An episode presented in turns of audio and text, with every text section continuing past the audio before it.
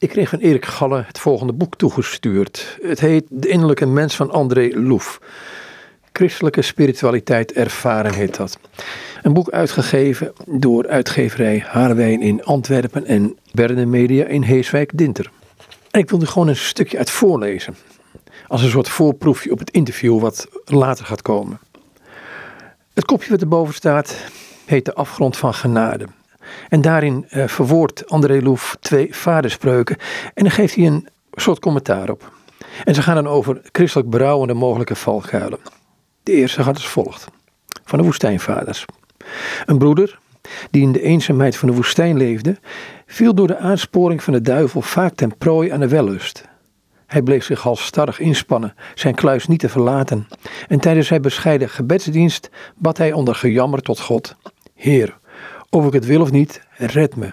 Want, als, als ik ben, heb de zonde lief. U die een almachtige God bent, weerhoudt mij. Dat u barmhartigheid betoont aan de rechtvaardigen, daar is niets buitengewoons aan. En dat u de zuiveren van hart redt, dat is niets bewonderenswaardig. Want ze zijn uw barmhartigheid waard. Maar toon uw barmhartigheid aan mij en toon uw liefde voor de mens. Want aan u is de arme overgeleverd. Dat was het wat hij de hele tijd zei. Of hij nu gevallen was in de zonde of niet.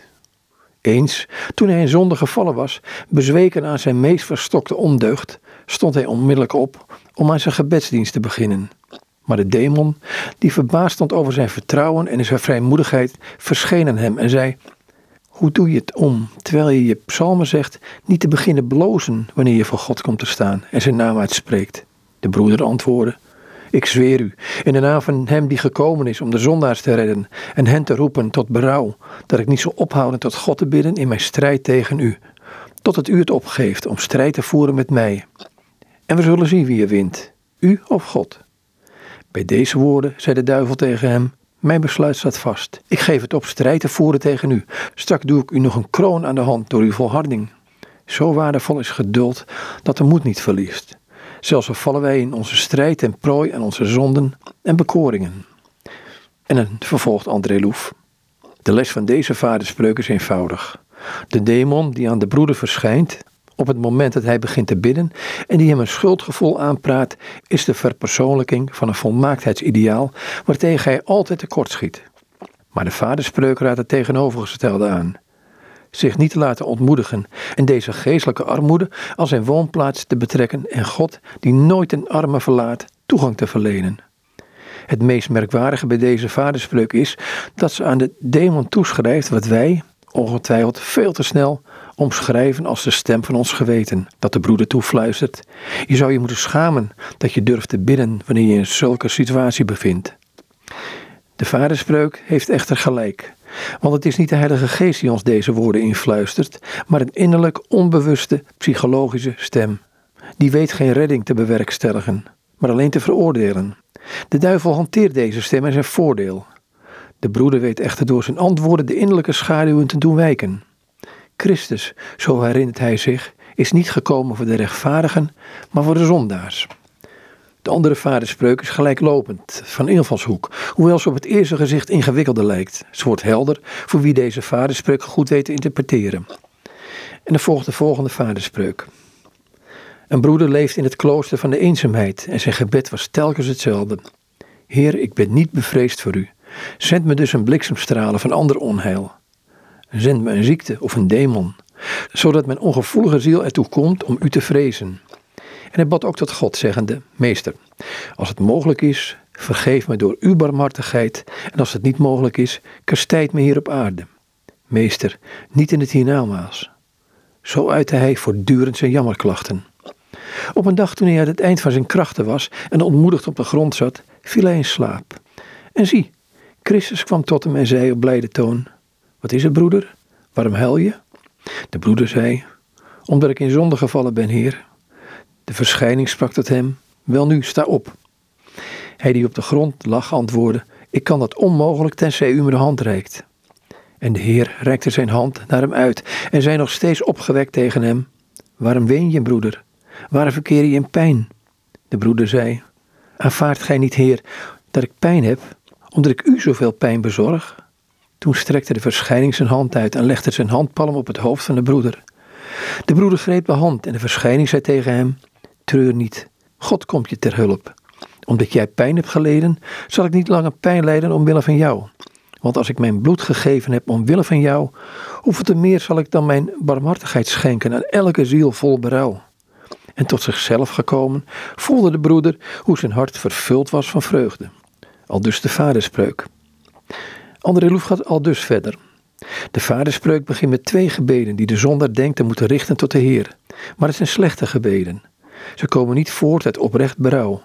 Ze zijn niet afkomstig van de Heilige Geest, maar vinden een oorsprong op een innerlijke psychologische dynamiek die tegemoet komt aan een onterecht schuldgevoel dat zowel voor een slecht als een goed geweten zorgt. We beluisteren hier niet de tollenaar in deze gebeden.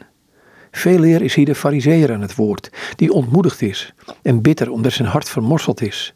Niet door de genade, maar door de gekwetste hoogmoed van zijn innerlijke criticus. Het is tot deze instantie dat deze twee gebeden zich richten. In de eerste bidt hij om het angst aan te jagen, zodat hij uiteindelijk deugdzaam kan leven. Zendt me dus een bliksemstraal van ander onheil. Het tweede gebed gaat ervan uit dat God hem niet kan vergeven. Daarom vraagt hij ook om straf, maar wel hier op aarde, om op die manier aan de eeuwige straf te kunnen ontkomen.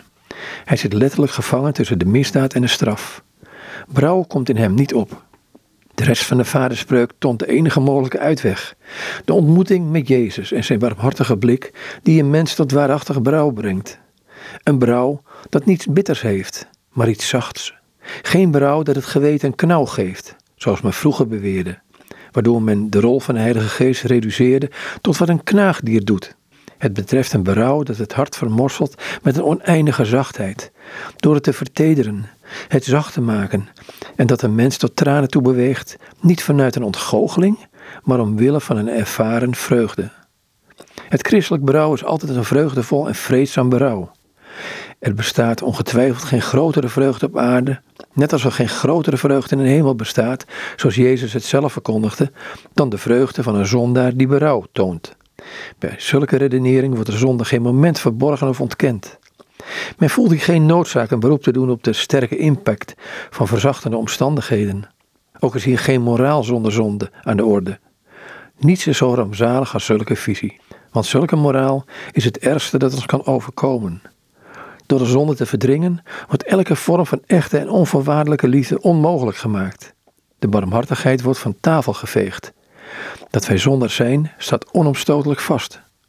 Het is een feit dat de zonde bestaat en wel een overvloed. Maar God was ons voor. De schuld was reeds vergeven. Zij was reeds opgeslokt door de liefde. Zoals Paulus het paradoxaal stelt.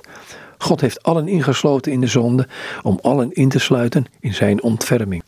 Anders André Loef. Dit was een passage uit het boek De Innerlijke Mens van André Loef.